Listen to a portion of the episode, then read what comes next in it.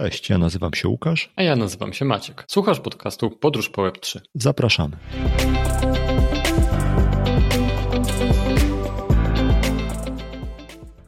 Dzień dobry Maćku. Cześć Łukaszu. Jak tam dostałeś airdropa z Wonderlanda? Muszę sprawdzić. Powiem Ci w następnym odcinku. Dobrze. Jeżeli tak, to jest on warty na dzień dzisiejszy 17 dolarów. Jest z tego afera w internecie, bo ludzie myśleli, że będzie to rozdane proporcjonalnie do zastejkowanych albo też chyba nie zastejkowanych tokenów Wonderlandowych w Memo, a okazało się, że im dali wszystkim porówno. Chyba, w sensie nie czytałem jaki tam był zamysł tego airdropa, ale z tego co na Twitterze widziałem, to chyba wszyscy dostali tyle samo. Zgodnie z rozdzielnikiem? No wiesz co, ale tak z drugiej strony, biorąc pod uwagę, że ten Wonderland chciał się przekształcić w coś na kształt funduszu VC, tylko w świecie krypto i jakby crowdfundingowanym przez y, ludzi, którzy partycypują w Wonderlandzie, no to nie wiem, czy to by było dobre, jakby oni tak teraz chcąc się tam zlikwidować czy przepoczwarzyć, jakby jednak proporcjonalnie y, rozdali te tokeny, które dostali w ramach inwestycji. Ja to odczytuję trochę jako złamanie konwencji, bo większość y, dropów jest proporcjonalnie do czegoś. Czy do czasu trwania, czy do y, kwot, którymi obróciłeś. I taki airdrop z rozdzielnika, jak zagierka, no trochę chyba zepsuł wszystkim humor, zwłaszcza, że kwota jest znowu homeopatyczna, moje ulubione słowo, 17 dolarów. O opiniach czytałem, zapoznałem się z opiniami, po prostu nie sprawdziłem, czy te 17 dolarów zostałem nimi obdarowany, no bo to w sumie no bez przesady. Ale sprawdzę. Nie robić różnicy. Przy tych spadkach i stratach nie robi mi różnicy. A swoją drogą to chyba taki strzał trochę w stopy, no bo w tym Wonderlandzie mała aferka była, mała duża aferka była, o której mówiliśmy chyba w ostatnim odcinku. No i teraz e, drop na poziomie 17 dolarów to jest taki trochę, no, no niesmak. To tak jakby ktoś dostał podwyżkę 3% albo 0,8%. Y, no tak, tylko że tam chyba założenie jest takie, że oni chcą zmienić całą ideologię i pomysł na tego Wonderlanda i po prostu rozdystrybuowali to, co dostali w ramach tej inwestycji, bo plan był tam, że oni mieli inwestować w ogóle więcej tych środków, ale przez całą tą aferę jakby zarzucili ten pomysł i chyba chcieli to rozdać tak wszystkim, którzy byli na moment snapshota posiadaczami WMEMO. Chyba stąd to wynika. Dlatego wydaje mi się, że to jako taki sposób na zlikwidowanie po prostu tych tokenów, które mieli w skarbcu, które dostali w ramach inwestycji, no to powiedz jak każdy inny. Każdy byłby zły, bo z drugiej strony jakby zrobili to proporcjonalnie, to pewnie okazałoby się, że dużą część tych tokenów dostałby ten człowiek, którego stamtąd usunęli, bo był podejrzany o to, że był historycznie skamerem. Więc może dlatego nie chcieli tego zrobić, żeby się nie okazało, że główni obsługujący Wonderlanda, z których jeden miał duży problem, dostanie dużo pieniędzy, a reszta dostanie dalej groszy. No nie? Co zrobisz, to zawsze źle. Bo jak będzie proporcjonalnie, to znowu będzie po parę centów u znakomitej większości i paręset dolarów może u części no, udziałowców, powiedzmy. Ale to jest dobry wstęp do tego, o czym chcielibyśmy dzisiaj porozmawiać, bo to się łączy z tematem zagrożeń, jakie czyhają y, w świecie krypto i tych protokołów na różnych blockchainach. I nawet nie mówię tutaj o takich bardzo podstawowych rzeczach, jak to, że ktoś ukradnie komuś portfel albo przekaże seed phrase'y e, na Discordzie komuś, kto nie powinien ich po prostu dostać, tylko na takim trochę wyższym poziomie zacząłem się zastanawiać nad tym, że w sumie to sporo pieniędzy różnych ludzi, w tym naszych pewnie też trochę pieniędzy, leży na protokołach, o których tak naprawdę niewiele wiadomo. I zacząłem się zastanawiać nad tym, jakie to są zagrożenia, które za tym idą. No bo da się przeczytać, że protokoły są na przykład zaudytowane, ale czy to jest wystarczające, żeby wierzyć, że tam wszystko jest ok? Zauważ, że podczas naszych rozmów to bezpieczeństwo bardzo często powraca. No bo znowu w zeszłym tygodniu rozmawialiśmy o tym, że z Green Finance wyciekła kasa, y, mi wyciekła kasa z Green Finance też. Jeszcze wcześniej rozmawialiśmy o tym, że tematy bezpieczeństwa będą się pojawiać u nas w odcinkach bardzo często i po raz kolejny temat wraca jak bumerang, e, idzie nurtuje w nocy i spać nie możesz, to opowiedz nam trochę więcej o tym, czego się dowiedziałeś. No i przede wszystkim, czy da się przed tym bronić, no bo jeżeli zawierzasz mm, pieniądze i swój kawałek majątku protokołowi, który nawet jest zaudytowany no, przez jakąś instytucję audytującą, która powiedzmy powstała trzy lata temu, to, to to też nie jest tak, jakby to był jakiś taki, wiesz, Instytut Bezpieczeństwa z wieloletnią tradycją i, i, i pieczątkami i tak dalej, tak? To jest taki sam problem jak z certyfikatami SSL. Jest główny wydawca, który wydaje certyfikat, no i potem kolejni wydawcy dziedziczą autorytet po tym głównym wydawcy. I na końcu gdzieś jest ten sklep internetowy podpisany zieloną kółdeczką, taką wiesz, popularnym językiem powiem. I tak samo, kto zaufa tej instytucji certyfikującej, że zrobi dobry audyt, poza tym, że znajdzie trochę bugów na przykład, tak, w smart kontraktach, nie? Pół biedy, jak ten smart kontrakt jest jeszcze zaudytowany i ktoś go sprawdził, no bo można by założyć, że to pewnie jakiemuś domorosłemu hakerowi albo go odstraszy na takiej zasadzie, że nie będzie tam szukał szczęścia, albo podstawowe umiejętności nie wystarczą, żeby tam cokolwiek z tym smart kontraktem podziałać. Ale myślę sobie, że te smart kontrakty to jest w sumie tylko jedna z bardzo wielu ruchomych części w całej tej układance, bo te smart kontrakty, no one są popisane na blockchainie, ale warstwa wyświetlająca to, czyli frontend, jest pisany do tych smart kontraktów. I z tego, co czytałem, jest sporo bugów we frontendzie, po prostu w stronach internetowych, przez które obsługujemy te smart kontrakty, przez które się dostajemy do tych smart kontraktów. I od tej strony na przykład dzieją się ataki, bo nie wiem, czy instytucje audytujące sprawdzają też, jak te smart kontrakty są połączone z warstwą frontendową, czy nie. Podejrzewam, że chyba nie. Głównie smart kontrakty sprawdzają, więc choćby to, że może to zrobić jakiś domorosły frontendowiec, który nie do końca wie, jak to zrobić po bożemu, będzie z tym smart kontraktem wchodził w jakąś interakcję, zostawi dziury, przez które potem ktoś spróbuje wyciągnąć jakieś pieniądze. Więc to jest taka, no jeśli chodzi o kompetencje, które są nieaudytowane i są trochę tak z boku, no bo podejrzewam, że nie każdy myśli o tym, że warstwa frontendowa może być przepustką do tego, żeby ugrać pieniądze z jakiegoś smart kontraktu. Więc to jest taka pierwsza rzecz, która przyszła mi do głowy, taka, no nie wiem, najbardziej oczywista. Szczególnie, że no frontendowców wszędzie i w każdej ilości brakuje, więc jestem w stanie sobie wyobrazić, że takie protokoły, które po prostu potrzebują kogoś, kto im napisze front, nie robią jakiejś bardzo ścisłej selekcji, ani nie próbują w jakiś sposób tego super sprawdzać, tylko zależy im też na szybkości działania, więc może się okazać, że średni frontendowiec będzie kodował frontend i potem zrobi tam buga i będzie wielka afera z tego. No tak, ale tak samo jest z phishingiem na przykład. Ale to phishing robią dobrzy frontendowcy. Dlatego ci się CSS-y sypią na tych phishingowanych stronach. Bo to jest tak, że jak nie wyłapiesz, że masz stronę sphishingowaną, to znaczy, że nie będziesz ich ganiał później jak z Nigerian Prince'em, nie? Ale nie, no coraz lepsze są te strony phishingowane. Niebezpiecznik y, je regularnie raportuje i jak widziałem, M-bankowe, a no ja mam między innymi konto w M-banku, no to są już takie, że one są doskonałe po prostu, są idealnie odwzorowane. Albo są na takich detalach różniące się, że ktoś, kto nie korzysta z tego na co dzień, tylko nie wiem, dwa razy w miesiącu, żeby zrobić przelewy, nie wyłapie tych drobnych detali na przykład, albo pomyśli, że się coś po prostu zmieniło. No. Ale ja się dziwię, że w ogóle są takie problemy, że tam są jakiekolwiek detale, no bo przecież te strony logowania, czy strona, która wyświetla już dane do przelewu, no to to nie jest żaden problem. Tam nie ma dużo pól. No wiesz, to są strony, które mają mi chodzić na mobilu potem i mają być na retrokomputerach, starych laptopach. Tam nie może być za dużo narobione, że tak powiem, więc te interfejsy są w miarę proste. A mimo wszystko jest trudno, żeby je odwzorować jeden do jednego przez hakerów. Także jestem trochę rozczarowany poziomem hakerstwa, które y, powoduje, że da się zobaczyć po prostu. No a swoją drogą, jak już widzisz taką stronę, która jest podstawiona, no to znaczy, że jest bardzo źle z tobą, no bo o krok jesteś od utraty pieniędzy po prostu. No tak, ale wiesz, jak mamy do czynienia z warstwą frontową tych stron, które dotyczą protokołów na blockchainach, no to one często są, tam ta warstwa frontendowa to nie jest czarny tekst na białym tle i logo, tylko tam są jakieś elementy graficzne i tak dalej. I podejrzewam, że jakby ci frontendowcy skupiają się też na tym, żeby to było ładne, żeby czymś się wyróżniało, żeby było zgodne z jakimś tam brandingiem, który jest przyjęty i wydaje mi się, że w związku z tym oni mogą, wiesz, po prostu dużą część energii angażować w to, żeby to wyglądało tak, jak chcą, żeby wyglądało, bo wydaje mi się, że to jest jakaś, wiesz, forma wyróżnienia albo, nie wiem, jakiegoś takiego zmeczowania z brandingiem, mówiąc ładnie po polsku, a, a mogą zostawić jakieś takie niedociągnięcia w samym takim charakterze bezpieczeństwa, no nie? I tego bym się bał.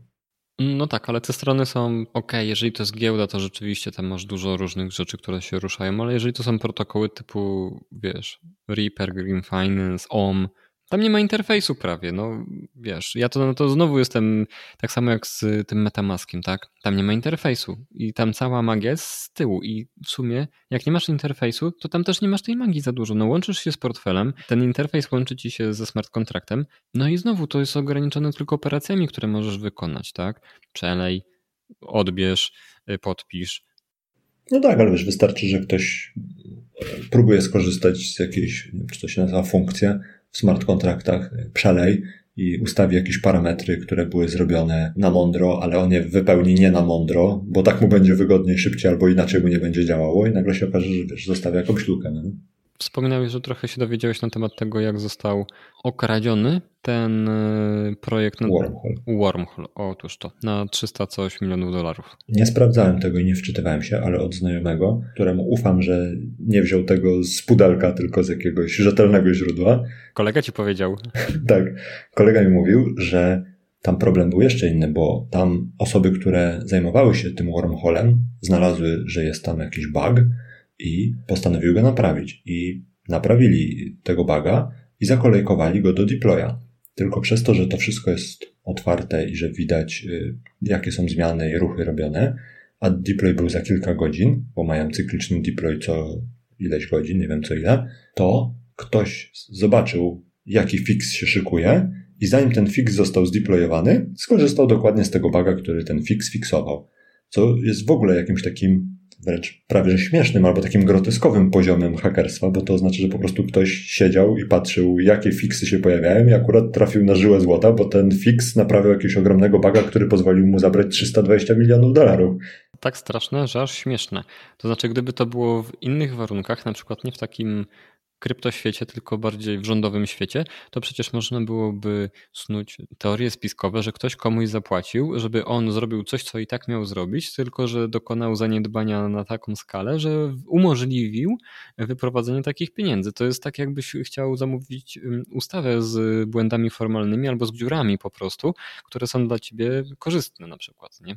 No, dlatego właśnie między innymi to skłoniło mnie do takiego zastanawiania się nad tym, na ile te wszystkie środki, które są w różnych protokołach są bezpieczne, no bo jeżeli to są włamania tego typu, jedyna droga, żeby je, żeby na przykład takiego typu włamania uniknąć, to jest to, żeby robić fixa i od razu go deployować, no nie? No w sensie tylko to potencjalnie by jakby uchroniło przed takim, przed tego typu atakiem, no nie? Że ktoś sobie podgląda, jakie fixy czekają w kolejce. Ale to jest teraz też tak, że ten atak stworzył precedens. Wszyscy się już dowiedzieli, jak został ten atak przeprowadzony. I teraz wszyscy będą monitorować repozytoria z fixami, będą zakładać, wiesz, jakieś monitory i notyfikacje real time, żeby się dowiedzieć, co się szykuje do zafiksowania, a wszystkie inne protokoły, które budują swoje no, aplikacje, jeżeli nie będą tego robiły na takim krótkim deployu, no to będą podatne, tak? No oczywiście ktoś musi zdążyć przeczytać, napisać kod, który wyciągnie kasę i tak dalej, i tak dalej, więc to też w 3 sekundy się samo nie zrobi. No ale mimo wszystko część protokołów, czy deweloperów takich mm, budujących nowe protokoły, nie wiem, za półtora roku zapomni, albo nie zapomni, albo będą tacy, którzy nie słyszeli o tym y, wydarzeniu i po prostu stworzą nowe podatności. Jeżeli będzie dalej takie a zakładam, że będzie, ciśnienie na nowe projekty, no to ktoś prędzej czy później znowu popełni dokładnie taki sam błąd. Ci hakerzy po prostu narzędzie sobie stworzą. Zresztą to jest w ogóle y, wyścig zbrojeń, mi się tak wydaje, bo protokoły powstają i mają być y, przede wszystkim, myślę, że generujące zarobek dla potencjalnych użytkowników, a przy okazji powinny być bezpieczne. Oczywiście Narracja jest trochę inna być może, ale to, co chcę powiedzieć, to to, że na przykład w świecie NFT słyszałem trochę historii takich, no bo wiesz, masz tam znowu 10 tysięcy itemów, rarity, czyli unikalność jest tam jakoś rozdystrybuowana i no bo o co chodzi, że jak mintujesz te NFTs, to ten proces trwa trochę, nie? No powiedzmy jest liniowy. Linearnie one będą powstawały, jest jakiś algorytm, który je powiedzmy wypluwa. No i teraz w różnych projektach to rarity może być różnie rozdystrybuowane. Na przykład, nie wiem, na sam koniec ci ostatni, którzy wbiją się do projektu i kupią te 9989 i powyżej, będą, wiesz, będą same te unikalne, albo na przykład na początku, albo równomiernie. No i o co chodzi, że czytałem o takich sytuacjach, gdzie nie to, że hakowane były te yy, NFTs, które były unikalne, ale ktoś sobie napisał takie makro, czy taki takiego snajpera, powiedzmy, do mintowania na podstawie tego, co zostało już jakby, wiesz, premintowane, tak? Czyli coś tam sobie siedzi na blockchainie, ale nie wiesz, jakie to są te obrazki, ale na podstawie jakichś metadanych związanych z tym projektem. Czyli szacował po prostu prawdopodobieństwo, kiedy się zaczną pojawiać y, te najrzadsze, tak? Dokładnie tak. Albo sobie szacował prawdopodobieństwo, albo robił takie strzały, żeby mieć w kolejce po kolei numerki, żeby na przykład wyłapać z tego ciągu na przykład 10, mieć większe prawdopodobieństwo, że trafisz. Żeby spróbować jakoś zrobić reverse engineering algorytmu, który przydziela rzadkie cechy, tak? Dokładnie tak. tak. No i teraz dlatego mówię, że to jest taki wyścig zbrojeń, no bo y, żeby móc obsłużyć mm, w automatyczny sposób, bo tam są bardzo krótkie czasy oczywiście, nie? Bo jest bardzo dużo ludzi, dużo tych itemów jest, więc te operacje są bardzo szybkie. No i żeby sobie ułatwić życie, no to wiesz, budujesz sobie narzędzie do tego, żeby zautomatyzować ten proces. I tutaj w NFTs to było do tego, żeby zdobyć coś, co jest unikalne, a tutaj, żeby dowiedzieć się o fiksie, który dopiero nadciąga i który może wyeksploitować, zanim ktoś go zdeployuje. No tak, tylko wiesz, to, to, trochę jest taka sytuacja jak z open source'em, no nie? że od, odwieczna walka, co jest bezpieczniejsze, czy open source, w którym każdy może znaleźć buga i tak samo szybko można go zafiksować, czy te zamknięte systemy, w których niby nikt nie wie, jakie są bugi, ale jak ktoś już je pozna, no to w sumie nie wiadomo, kiedy one zostaną naprawione. No jakby to, co się dzieje na blockchainie, to brzmi jak open source 2.0, no nie? Czyli dokładnie to samo, dokładnie taki sam model działania, właśnie taki wyścig zbrojeń, że jedni próbują szybciej znaleźć błędy, a drudzy próbują przegonić ich fiksowanie, no nie? Więc no koniec końców no chyba tylko w tą stronę to może iść, że będzie jakaś, nie wiem, lepsze praktyki, czy lepsze procesy na to, jak błędy znajdować, jak je naprawiać, jak robić tak, żeby minimalizować te błędy. To jest taki chyba naturalna kolej rzeczy w powstawaniu jakiegokolwiek oprogramowania, no, że one będą, będą w związku z tym jakieś problemy, ale to, co mi się wydaje, że jest też takim niebezpieczeństwem, to jest to, że, znaczy niebezpieczeństwo, no to jest jakby wpisane w całą tą grę, ale póki co nie ma jakichś takich instytucji gwarantujących, czy jakieś no, ubezpieczenia są, no tylko te ubezpieczenia na przykład ubezpieczają właśnie błędy w smart kontraktach. I teraz błąd we frontendzie nie łapie się. I też była taka sytuacja, że y, skądś zniknęły pieniądze i okazało się, że smart kontrakty były dobrze popisane, ale frontend był zabagowany i ta instytucja ubezpieczająca powiedziała, że no, ubezpieczenie tego nie obejmuje ale chodzi mi o to, że brakuje chyba do takiej większej adopcji, do takiego większego spokoju osób, które korzystają albo jeszcze nie korzystają, a chciałyby skorzystać z jakichś protokołów. Brakuje jakichś takich instytucji gwarantujących, tak jak jest, nie wiem, bankowy fundusz gwarancyjny, który, no jeżeli bank jest bankiem, to odda ci zawsze te 200 tysięcy, które potencjalnie możesz mieć na swoim koncie, nieważne co się z tym bankiem stanie. I tutaj trochę tego nie ma, w sensie wrzucisz wszystkie środki w jakiś jeden protokół, jeżeli on zniknie, albo te środki znikną, a protokół zostanie, Green Finance, no to no co, no twoje środki po prostu zmieniły właściciela i nie za bardzo możesz cokolwiek z tym zrobić, nie? Chociaż ostatnio jest głośna sytuacja, gdzie odzyskano 3,6 miliarda z ukradzione z giełdy Bitfinex, chyba się ta giełda nazywa. Tak, tak, Bitfinex i to urosło z 70 milionów. Po tamtym kursie po prostu to było już ci mówię, 120 tysięcy bitcoinów. No na tamte czasy to było 70 milionów i to jest w ogóle hit, bo ja dokładnie tego szukałem. Jak kończyłeś opowiadać, to ja chciałem znaleźć, jakie tam są e, numerki za tą akcją w ogóle. No i teraz e, rząd Stanów Zjednoczonych jest w posiadaniu 3 miliardów e, dolarów w bitcoinie, co jest w ogóle hitowe.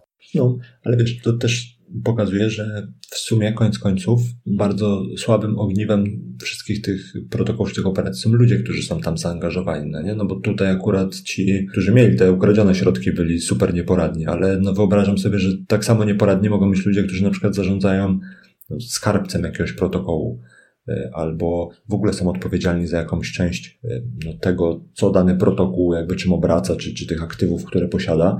No i teraz jeżeli oni są tacy no powiedzmy niefrasobliwi, albo po prostu głupi, albo nie głupi, tylko przebiegli, no to w ich rękach jest duża odpowiedzialność, a ci ludzie tak naprawdę nie mają żadnej odpowiedzialności takiej za bardzo wynikającej, no nie wiem z czego, no bo może się okazać, że oni siedzą w jakimś takim miejscu świata, gdzie nikt ich nie będzie ścigał, albo w takim, w którym no, nie będzie nikomu zależało, żeby ich ścigać, no nie? No w sensie, no to znowu musiałby się zawiązać DAO, żeby zebrać środki na poszukiwanie ludzi, którzy ukradli na przykład pieniądze i sfinansować wynajęcie, nie wiem, jakichś e, detektywów albo kogoś takiego. Więc to znowu jest taki problem, że w rękach kogoś, kto jest zaangażowany albo jest w jakiejś kadrze zarządzającej DAO, no są ulokowane duże środki i teraz no, wszyscy liczą na to, że ci ludzie będą postępować dobrze, etycznie i nie będzie tam żadnych z nimi problemów.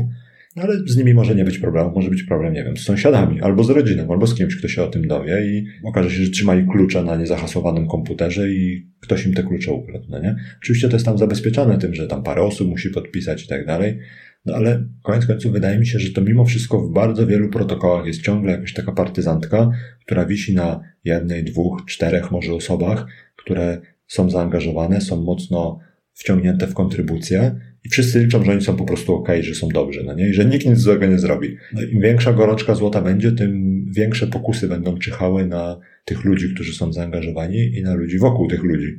Więc tutaj też wydaje mi się, że jest jakieś takie niebezpieczeństwo, że no, czynnik ludzki może zawieść. No nie? Swoją drogą w świecie krypto ta anonimowość jest bardzo daleko posunięta.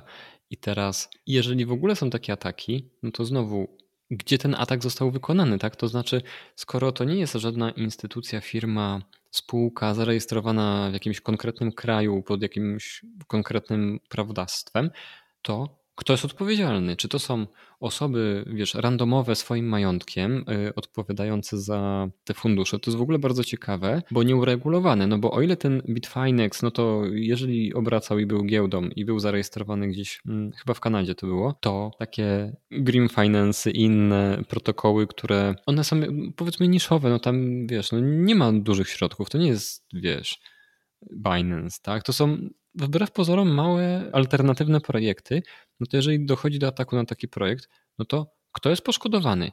Jak tam nie ma nawet DAO w większości przypadków. Komu będzie zależało, żeby doganiać potem, no nie?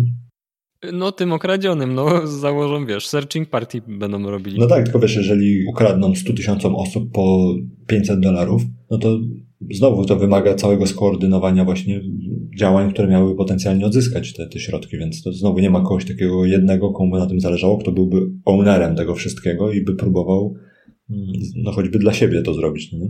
Wiesz, ten owner został okradziony nie ze swoich środków, tylko ze środków swojego community, powiedzmy. I o ile tam miał swoje środki, to jest mu bardzo przykro. Jest na nim pewnie, wiesz, jakiś hejt, że nie dopilnował i tak dalej.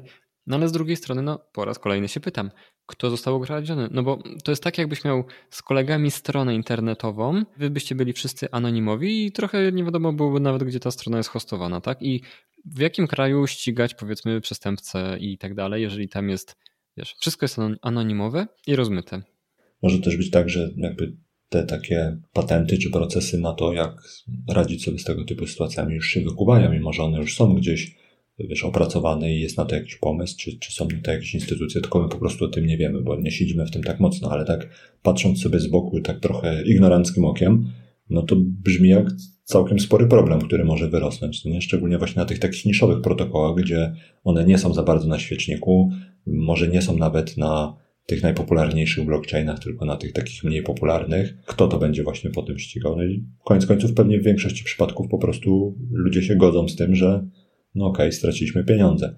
No plusem albo nie plusem jest to, przez co wpadli ci ludzie, którzy mieli te 3,6 miliarda dolarów w bitcoinach, czyli to, że wszystkie transakcje na blockchainie są dostępne ogólnie i tam się, z tego co ja przynajmniej dziś widziałem, no to jest ten taki profil na Twitterze, który no jest jakimś botem, który szuka dużych ruchów na blockchainie. To się nazywa Whale Alert i on tam raportował, że w przeciągu tam chyba kilkunastu czy kilkudziesięciu minut było ileś operacji tam na setki tysięcy dolarów w bitcoinie robionych w, praktycznie w jednym i tym samym miejscu. I prawdopodobnie z tego, że te operacje były takie no, niestandardowe i nagle się pojawiły znikąd na duże kwoty, ktoś się tym zainteresował i tak po nitce do kłębka udało się dojść, że to są ci, ci ludzie, którzy tam mieli podobno w domu ileś fałszywych tożsamości, ileś portfelów i tak dalej.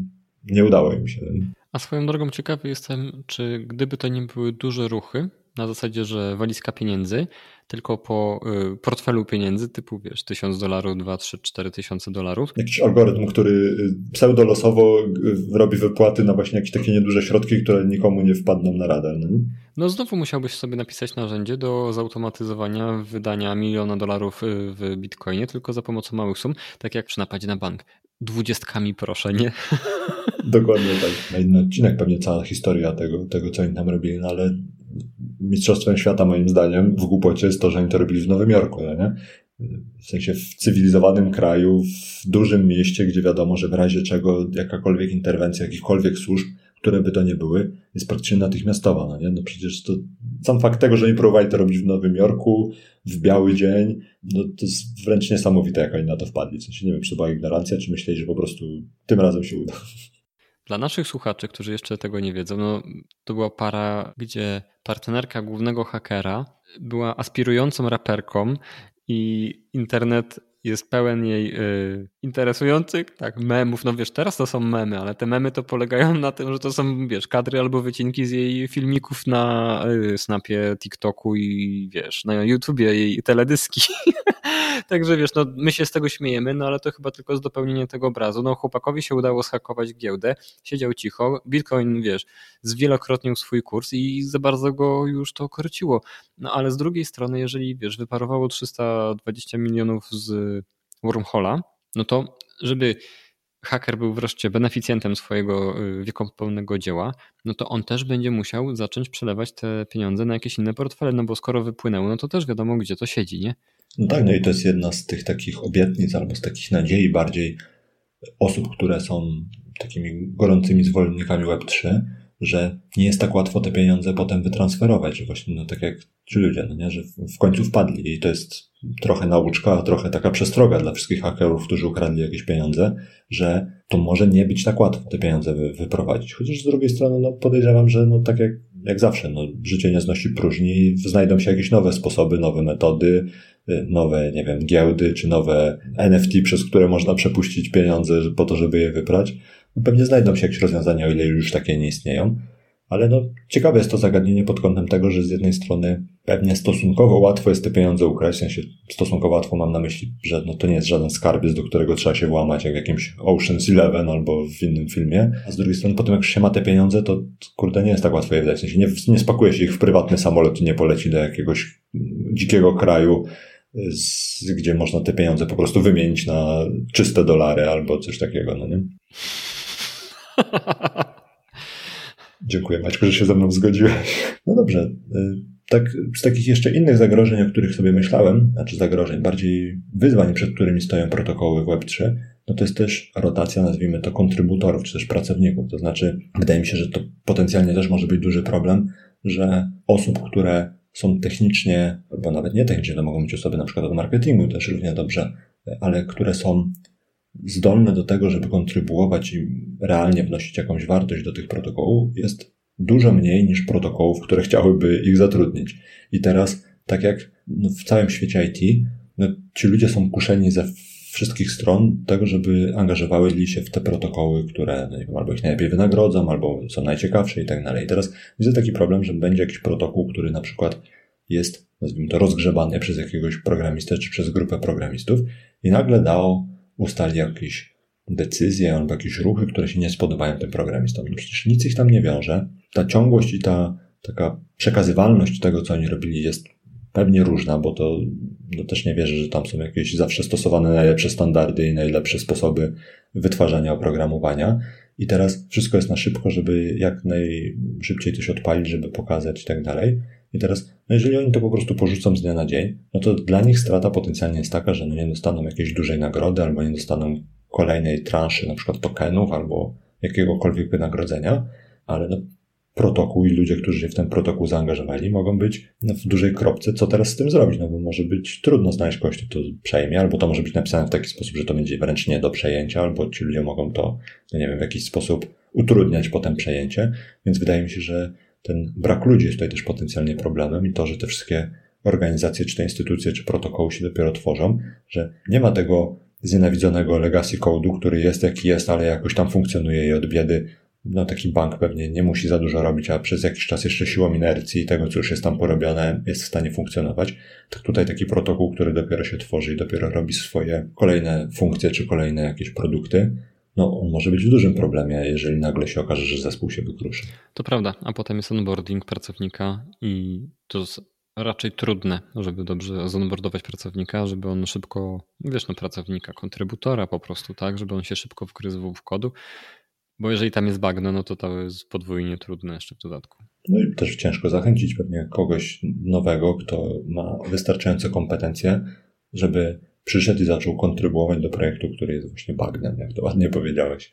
Więc no to też jest takie wyzwanie i wydaje mi się, że w ogóle takich wyzwań, jakby się nad tym zastanowić, może dzisiaj nie będziemy tego jakoś tak super rozwijać na kolejne potencjalne wyzwania, ale takich wyzwań jest bardzo dużo. W sensie to są takie wyzwania, które normalnie pojawiają się w biznesie też na co dzień, tylko no, co by nie mówić, to ten biznes przez to swoje ustrukturyzowanie ma jakąś taką dynamikę, która trochę nauczyła ludzi i organizacje radzić sobie z tego typu problemami. A tutaj w świecie takim peer-to-peer jest bardzo łatwo coś zdekomponować i zrobić jakiś ruch, taki mm, pospolite ruszenie, po to, żeby coś zrobić albo coś zmienić, ale ciężko jest to w długim terminie z jakąś odpowiednią kadencją utrzymywać, tworzyć, rozwijać i tak dalej. W sensie ludzie są na tyle, mam wrażenie, kuszeni teraz ze wszystkich stron różnymi świecidełkami pod postacią różnych nowych protokołów, ciekawych projektów i tak dalej, że będzie ciężko zrobić tak, żeby, znaczy te protokoły, czy te projekty, żeby one miały jakiś taki tryb, w którym powstają w sposób regularny, stabilny, i w taki, że faktycznie dowożą wartość, a nie taki zrywami, jakimiś skokami. Czy z tymi protokołami też nie jest tak jak ze startupami? Na takiej zasadzie, że jeżeli już się ten startup ujawnił, dajmy na to dostał trochę kasy od inwestora, no to legendarna metafora, że wiesz, zespół z tego startupu wyskoczył już z tego samolotu i buduje spadochron w trakcie lotu. Szybko, szybko, szybko, szybko, bo nas inni wyprzedzą.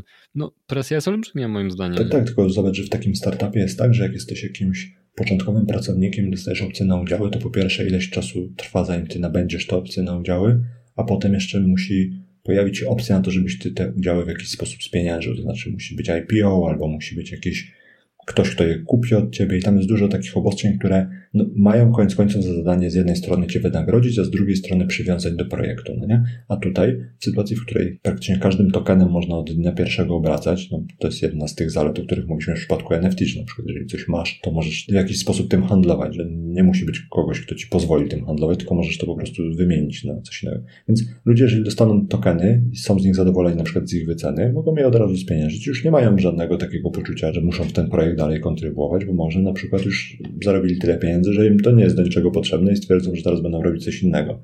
Więc jest to trochę jak w startupach, ale wydaje mi się, że bardziej jest jak w projektach open source'owych. To znaczy, chyba musi być takie wewnętrznie motywowane core team, który te projekty ciągnie i ludzi, którzy dołączają, pomagają, odchodzą albo się zmieniają, ale jeżeli nie będzie takiego core teamu, który jakby jest tam i, i robi to nie z takich pobudek finansowych, czy, czy takich, y, żeby stać się szybko sławnym, no to będzie ciężko z tymi protokołami. W sensie, że takie, myślę, że bardzo szybko będą się wykruszały te protokoły, które są skokiem na kasę, no nie? Możliwe, że tak. Konserwatyzm jest tutaj wskazany, w sensie nie rzucanie się na wszystkie nowości, tylko jak najmniej ruchów, szczególnie w początkowym stadium. Wiesz co, ta moja metafora ze startupem, jej geneza nie była taka, że nie odnosiłem się do pracowników, odnosiłem się do presji founderów, że muszą się śpieszyć.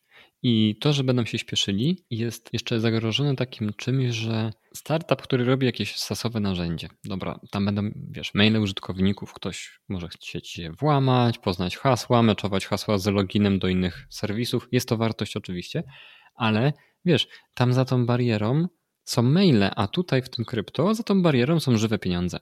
I to jest zupełnie inna motywacja dla atakującego, bo to jest znowu dużo bardziej asymetryczne wiesz, wydarzenie po prostu. Namęczysz się tu i tu i tu dostaniesz trochę maili, a tu dostaniesz parę milionów dolarów y, w najgorszym wypadku. No bo jeżeli już się tam włamujesz, no to praktycznie możesz wyczyścić wszystko.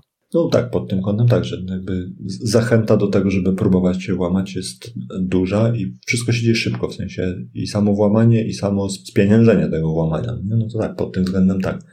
Ale wydaje mi się, że no, przy ilości pieniędzy, które są już wpompowane w krypto, wydaje mi się, że albo już powstały, tylko my o nich nie wiemy, bo się tym aż tak bardzo nie interesowaliśmy, albo muszą powstać jakieś mechanizmy, które w jakiś sposób przeciętnego odbiorcy, użytkownika będą chronić albo mitygować ryzyko, które jest przed tym użytkownikiem. No bo alternatywnie no to zostajemy na takim poziomie adopcji krypto, że ktoś sobie kupi bitcoina i y, hardware'owy wallet, i będzie trzymał te bitcoiny i nie będzie z nich korzystał, bo będzie się bał, że na każdym kroku czyha na niego bezpieczeństwa. Wydaje mi się, że wszystkich zwolenników krypto to nie zadowoli, żeby tylko trzymać sobie bitcoiny i nic więcej z tym nie robić. W sensie nie po to te wszystkie protokoły powstają, żeby wszyscy trzymali tylko na hardware'owym wallecie bitcoiny, bo to by nie miało sensu. Nie? W sensie do, nie o to wszyscy tutaj walczą chyba. Nie? No, a poza tym nowe protokoły są po to, żeby z nich korzystać.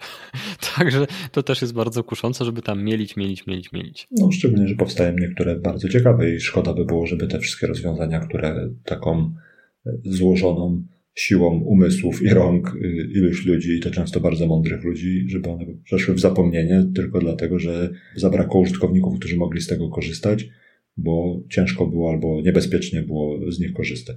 To co, Łukaszu? Wydaje się, że chyba omówiliśmy większość takich zagrożeń, które są znaczącymi zagrożeniami. Przynajmniej tych, które przyszły nam do głowy. Dokładnie. Oczekujcie większej ilości zagrożeń już za miesiąc pewnie. No myślę, że ten świat się tak szybko toczy i tak szybko się dzieje nowe, nowe sytuacje wychodzą, że pewnie wrócimy jeszcze kiedyś do tego tematu, szczególnie, że wydaje mi się, że on jest ważny, żeby rozumieć chociaż z grubsza, jakie tu są zagrożenia i żeby nie na fali hypu jakiegoś projektu nie wrzucić tam wszystkich pieniędzy i potem nie martwić się za co żyć, bo wrzuciliśmy wszystkie pieniądze, bo liczyliśmy, że jednak tym razem będzie super. Albo jak nam ktoś wyciągnie z jakiegoś naszego protokołu trochę kasy, to wtedy będzie y, trigger do tego, żeby omówić taki case. Miejmy nadzieję, że nie. Nadzieję zawsze możemy mieć. Ty już jesteś po tym fakcie, gdzie zginęło ci trochę pieniędzy. Ja, przynajmniej na stan mojej wiedzy, jeszcze wszystkie te, które zainwestowałem, to tylko najwyżej pospadały ich ceny. Jeszcze nie zdarzyło mi się włożyć pieniędzy w taki protokół, który no, został wyczyszczony przez jakiś haker. A swoją drogą też miałem taką sytuację, że jeden protokół wyświetlał mi, że mam kasę, a oryginalny protokół, na którego właśnie wpłaciłem tą kasę, wyświetlał mi, że nie mam żadnej kasy. I ja już myślałem, że znowu jestem, wiesz, w plecy, ale to po prostu ten bug, o którym mówiłeś, że frontend się nie sparował dobrze z backendem, czyli ze smart kontraktami i po prostu frontend tego systemu nie był w stanie wyświetlić mi moich pieniędzy po prostu, co jest bardzo częstą sytuacją, że frontend nie wyświetla twojego majątku w twoim portfelu, mimo że on tam jest, jak podejrzysz go sobie na blockchainie, to on tam będzie, tylko że przez tę aplikację, przez którą robisz wszystkie operacje, no nie wyświetla ci się ten, e, ten, ten budżet, powiedzmy, ta kasa, nie? I masz chwilę stresu. No i pomyśl sobie, że jesteś teraz takim użytkownikiem, który wchodzi dopiero w taki świat krypto i okazuje się, że włożyłeś trochę więcej pieniędzy niż powinieneś. Niż mama pozwoliła. W taki protokół, tak, na przykład niż mama pozwoliła i, i okazuje się, że nagle ci się nie wyświetla i robisz jakieś głupie ruchy na przykład, albo dajesz się złapać na jakimś Discordzie komuś, to udaje, że jest z supportu albo z czegoś takiego. O właśnie, i... to jest jeszcze ciekawy case. Jak wejdziesz na Discorda jakiegokolwiek projektu, to zaraz jesteś spamowany milionem po prostu okazji. Wszyscy chcą ci pomóc, no nie? Tak, altruizm w czystej postaci po prostu. Ale to jest olbrzymie zagrożenie dla tych wszystkich ludzi, którzy są młodzi w tym całym krypto, i wierzą, że świat będzie piękny i różowy, no mogą mieć wyczyszczone portfele po prostu, tak? Nie wiesz, to tylko ja o tym myślę trochę w kategorii takich zagrożeń drugiego rzędu, to znaczy prawdopodobnie jak ktoś wchodzi w krypto, to nie pierwszą rzeczą jest to, że wchodzi na Discorda danego projektu. W sensie wydaje mi się, że w pierwszej kolejności jakby w jakiś sposób próbujesz wejść w interakcję z takim protokołem albo coś z nim podziałać, albo poczytać o nim, a nie rzucasz się na Discorda, bo ten Discord najczęściej, przynajmniej w większości tych protokołów, które widziałem, no to wygląda jak no nie wiem jak co, ale jakby wszyscy tam krzyczeli, a to mam wrażenie, że tam jest głośno, mimo że tylko się literki pokazują i wszyscy przed dziwnymi skrótami w różnych językach i jeszcze zawsze się znajdują jacyś trole, jak to zwykle w internecie, którzy jeszcze spamują jakimiś różnymi dziwnymi rzeczami, no nie? Nie rozumiem w ogóle fenomenu Discordu, bo jest dokładnie tak jak mówisz. Tam jest szał po prostu, tam jest dżungla z małpami, każdy krzyczy dokładnie. Nie umiem w Discord w ogóle, to znaczy, żebym ja znalazł tam jakąkolwiek informację albo cały ten system odpowiadania na wątki dla mnie jest bardzo niezrozumiały, że wątek jest rozczłonkowany na przestrzeni, wiesz, kilkunastu nawet screenów twojego monitora i absolutnie nie ma takiej ciągłości myśli, nie ma ciągłości wątku. Ja tego nie kumam, plus tam jest cała masa właśnie ludzi, którzy piszą jakieś głupoty, pytają się osiem razy o to samo. Męczysz się, nie? O Jezus, nie no już chyba go w ogóle zlikwiduję, bo niedawno jeszcze trochę tam siedziałem, ale powiem Ci szczerze, że to jest coś, co autentycznie powoduje u mnie olbrzymią frustrację, bo absolutnie nie mogę się niczego dowiedzieć, bo to jest okupione olbrzymim bólem i olbrzymim wysiłkiem i nie wiem jakim cudem Discord został wybrany do tego, żeby synchronizować się wewnątrz organizacji, tak, czy ze społecznością, nie? Znaczy, no, no rozumiem, no. Nie było nic innego. Nie było nic innego, tak, ale to jest takie męczliwe. Podejrzewam, że to jest też tak, że jakbyś więcej trochę z tego korzystał i się zaangażował też w taki sposób, że nie tylko byś czytał, tylko byś na przykład, no nie wiem, jakieś tam treści generował, to pewnie wyrobiłbyś sobie takie jakieś mechanizmy, jak na przykład, nie wiem, na Slacku, że nie wiem, jedne kanały byś wymutował, bo byś wiedział, że tam nic nie ma, ludzi byś poblokował i tak dalej, i tak dalej, jakoś byś sobie to z grubsza wyczyścił, ale no FOMO tam jest niesamowite, no w sensie, że tam wyjdziesz na chwilę, wrócisz i masz 15 scrolli do czytania w takich projektach, w których jest więcej ludzi. A podejrzewam, że tam też są kanały zamknięte dla tych, którzy na przykład tylko kontrybuują. Mimo, że jak kontrybujesz, to wyciszasz sobie wszystko inne i gadasz tylko z ludźmi, którzy kontrybuują i wtedy masz to w formie takiego jak Slacka masz w firmie, no nie? No ale faktem jest, że wydaje mi się, że od takiego człowieka, który dopiero wchodzi w świat krypto, wejście Discorda po prostu odstraszy i szansa na to, że jeden z chętnych do pomocy ludzi, którzy zaraz się do niego odezwą, no jakby wydaje mi się, że chyba nie skusi kogoś, chociaż może się mylę, że może za bardzo wierzę w to, że ktoś stwierdzi, że skoro nie ma problemu, to nie ma sensu gadać z człowiekiem, który losowo wyskoczył do niego z wyciągniętą ręką do pomocy. Także no nie wiem, no zobaczymy. No ale jest to też na pewno jedno z zagrożeń i, i, i te Discordy projektów jest nasiane tam zagrożeń w każdym możliwym kącie. Tak jest, poleminowe. No dobrze, to co Maćku, kończymy na dzisiaj. Słyszymy się za tydzień. I co? Do usłyszenia. Do usłyszenia. Dzięki za wysłuchanie kolejnego odcinka podcastu Podróż po Web 3. Żeby nie przegapić kolejnych odcinków, pamiętaj, żeby zasubskrybować ten podcast w swojej aplikacji do podcastów. Wejdź również na www.ppw3.pl i zapisz się do newslettera. Otrzymasz dzięki temu powiadomienie o każdym nowym odcinku oraz dodatkowe materiały. Dzięki i do usłyszenia. Cześć.